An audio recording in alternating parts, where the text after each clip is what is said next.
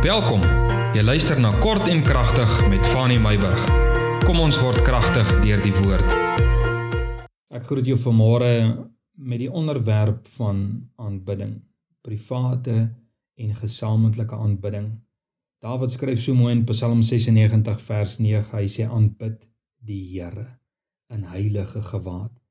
Hy gee vir ons hier 'n gedagte van hoe ons die Here moet aanbid. Ons moet heilig wees sê Petrus soos God heilig is. Ons moet kom met heilige gewaad, bewe voor sy aangesig. Dit gee vir ons nog 'n idee van hoe ons God moet aanbid. Ons moet 'n vrees hê vir God, nie daardie tipe vrees wat ons bang is vir die Here en ons wil nie in sy teenwoordigheid wees nie, maar juis die gedagte van God is groot en almagtig en ons moet bewe voor sy aangesig want hy is tot alles in staat. En hy sê: "O ganse aarde, moet die Here aanbid. Psalm 134 vers 1 kom loof die Here. Alle knegte van die Here wat snags in die huis van die Here staan en bedags natuurlik nê. En hy dan sê hy sê hoe ons dit moet doen. Hy sê hef julle hande op na die heiligdom en loof die Here.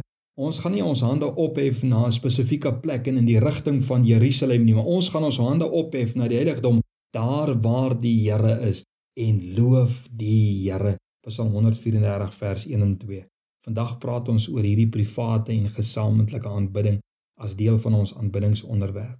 En ek wil vir jou vra as jy nou nie gister se boodskap geluister het nie en as jy nou nie eergister se boodskap geluister het nie, sal jy asseblief bietjie teruggaan na daardie boodskappe toe en net 'n bietjie die inleiding kry en sien waarheen ons op pad is. Ons praat vandag oor aanbidding. Jy weet, as ons praat van ons private aanbidding, dit beteken ons binnekamer aanbidding of wanneer ons net alleen is, nê? Daardie tipe aanbidding, maar ook ons gesamentlike aanbidding wanneer ons as gemeente bymekaar kom.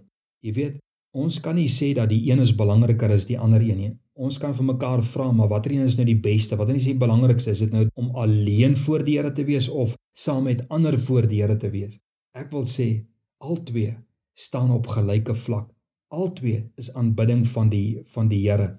Maar jou private aanbidding steek tog die vuur aan vir die gesamentlike aanbidding en die gesamentlike aanbidding dryf jou weer terug na jou binnekamer en private aanbidding. Donald Whitney het gesê the first exercise of discipline of worship is to develop the habit of faithfully assembling with other believers in meetings where the primary purpose is to worship God. Hy sê dit is belangrik En hy sê die eerste die eerste oefening van die dissiplines van aanbidding is om 'n gewoonte aan te leer om by mekaar te kom as medegelowiges en daar saam die Here te kan aanbid. Dit is vir my nogal ironies dat ons binnekamer aanbidding tog aanleiding daartoe gee dat ons 'n behoefte ontwikkel vir gesamentlike aanbidding saam met ander gelowiges.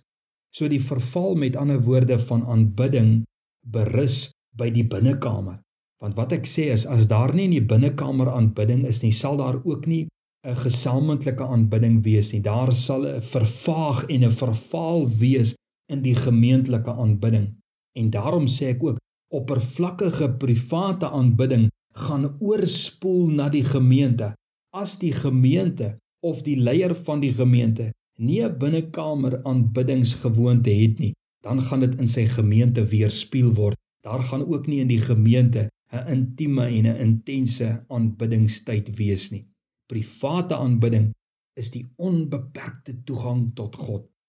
En gesamentlike aanbidding is beperkte aanbidding. Met ander woorde, in die privaat het ek onbeperkte toegang tot God, maar aanbidding saam met die gemeente, gesamentlike aanbidding gebeur mos maar net een of twee keer 'n week. En dit is jou daaglikse aanbidding waar jy krag, vreugde, oorwinning en rigting van God ontvang. Waar jy onbeperk in woorde, in lyfstaal jouself kan uitdruk in jou eie taal en op jou eie manier en waar jy mens voor God kan wees, geen voorgee nie en vrylik God kan aanbid sonder 'n gehoor en met volle vrymoedigheid. Daarom is private aanbidding so belangrik. Jy weet gesamentlike aanbidding het sy eie dinamiek.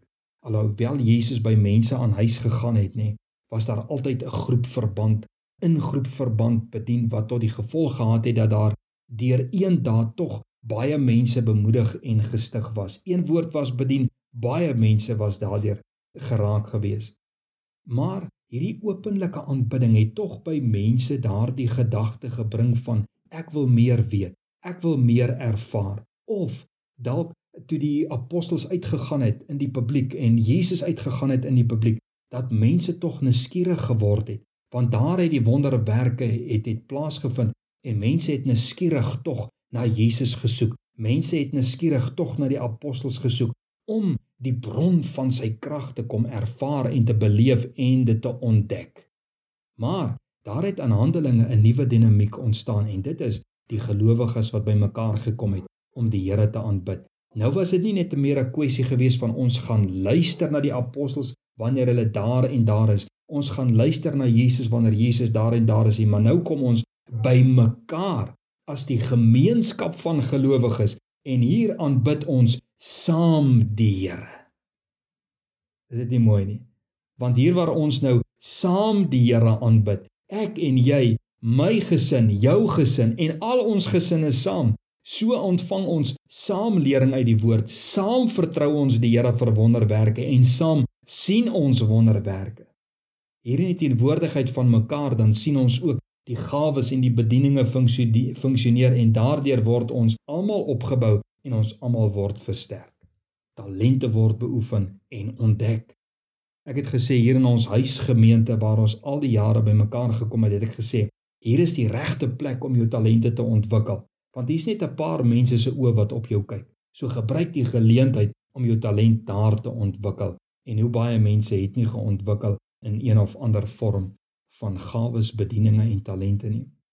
Jy weet en dit begin vir my al hoe duideliker word dat in die tegnologiese era waarin ons lewe 'n tendens ontwikkel het wat die potensiaal het om van toegewyde Christene sitkamerbank en slaapkamer Christene te maak. En dis vir my sleg, dis gevaarlik vir ons geestelike lewens. Daar is waarde daarom om op te staan, aan te trek en aan te meld by jou gemeente. Daar is geen plaasvervanger vir die gemeenskap van die gelowiges nie. Persoonlike aanbidding steek die vuur in jou hart aan die brand en hou jou gees lewendig, maar mense lywe hou tog die kerk lewendig. Gesamentlike aanbidding is die oorvloei van jou persoonlike aanbidding. Saam brand almal se vure mos hoog in aanbidding teenoor die Here. Jy weet die aanlyn kerkdienste skep tog vir my in 'n mate die illusie dat nadat jy klaar passief die kerk deurgemaak het dat dit jou aanbiddingstyd was. Dit is 'n illusie. Aanbidding vra betrokkenheid van die individu. Jy mag vra maar wat is dan die waarde van aanlyn kerkdienste? Weet jy wat is nog steeds lering, teregwysing, geestelike groei van die individu?